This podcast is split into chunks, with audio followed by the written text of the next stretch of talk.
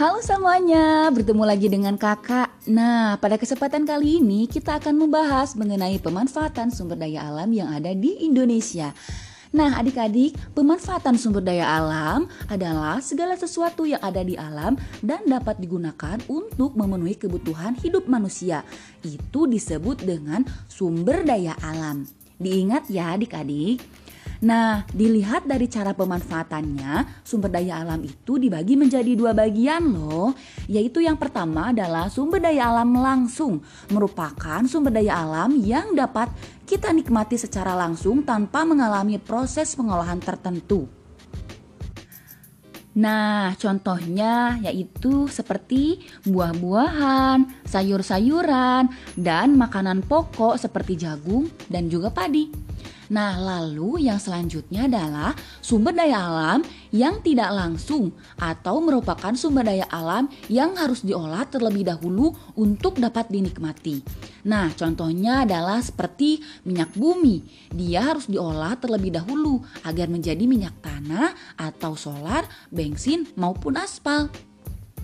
Nah, Indonesia sendiri merupakan negara yang memiliki sumber daya alam melimpah ruah. Sumber daya alam tersebut dapat sangat bermanfaat bagi kehidupan manusia. Nah, di sini kakak akan menjelaskan mengenai hasil sumber daya alam yang bermanfaat bagi manusia. Yang pertama adalah hasil pertanian.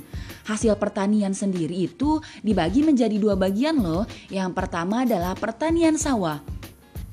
Produk utama dari pertanian sawah adalah padi.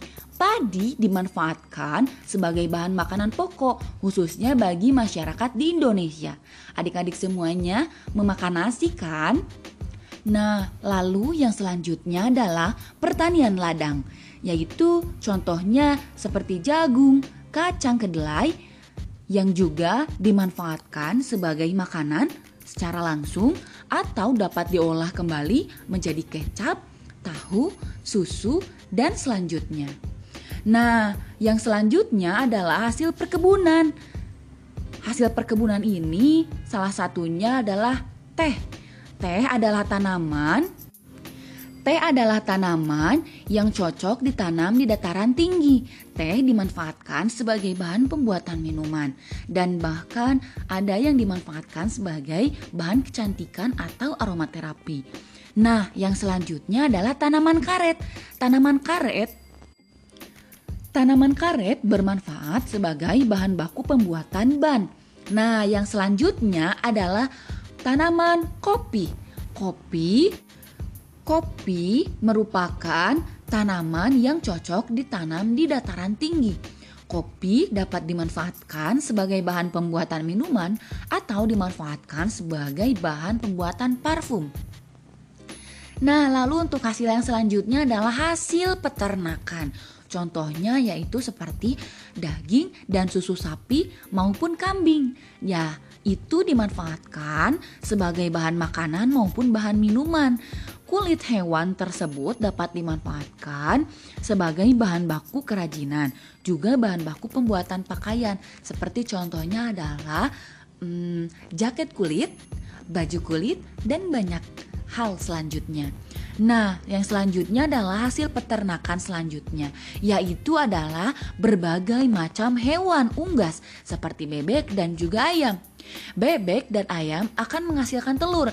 Nah, telur dan daging tersebut dapat dimanfaatkan sebagai sumber makanan yang memiliki sumber protein yang cukup tinggi. Hasil peternakan selanjutnya adalah ulat sutra. Ulat sutra menghasilkan kepompong yang bermanfaat sebagai bahan baku pembuatan kain sutra. Nah, lalu untuk hasil yang selanjutnya adalah hasil laut dan perikanan. Seperti contohnya adalah kerang.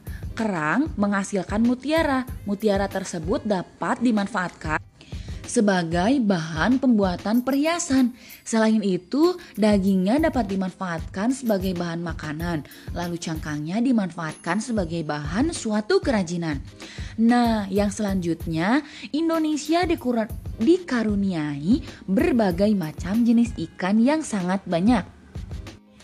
Ikan bermanfaat sebagai bahan makanan dan juga termasuk sebagai sumber protein hewani. Bahkan terdapat berbagai macam ikan yang dapat dimanfaatkan sebagai bahan baku pembuatan obat.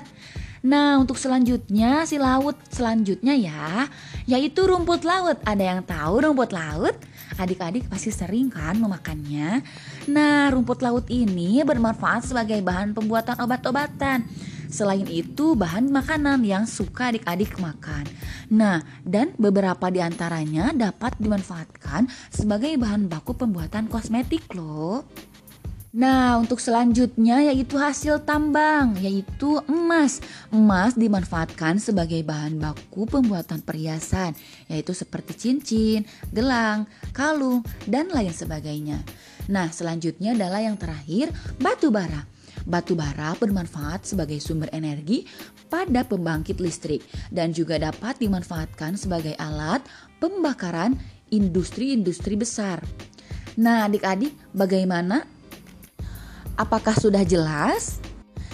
Nah, adik-adik, jika belum jelas, adik-adik bisa membaca atau mendengarkan dari sumber-sumber lainnya ya. Oh iya, adik-adik, jika adik-adik ingin menggunakan sumber daya alam ini, maka kalian harus menjaga lingkungan ya. Karena pemanfaatan sumber daya alam ini dapat diperpengaruhi dari lingkungan. Oleh sebab itu, lingkungannya harus dijaga ya adik-adik. Oke, sekian. Terima kasih. Bye bye. Semoga di lain waktu kita dapat berjumpa lagi ya. Terima kasih.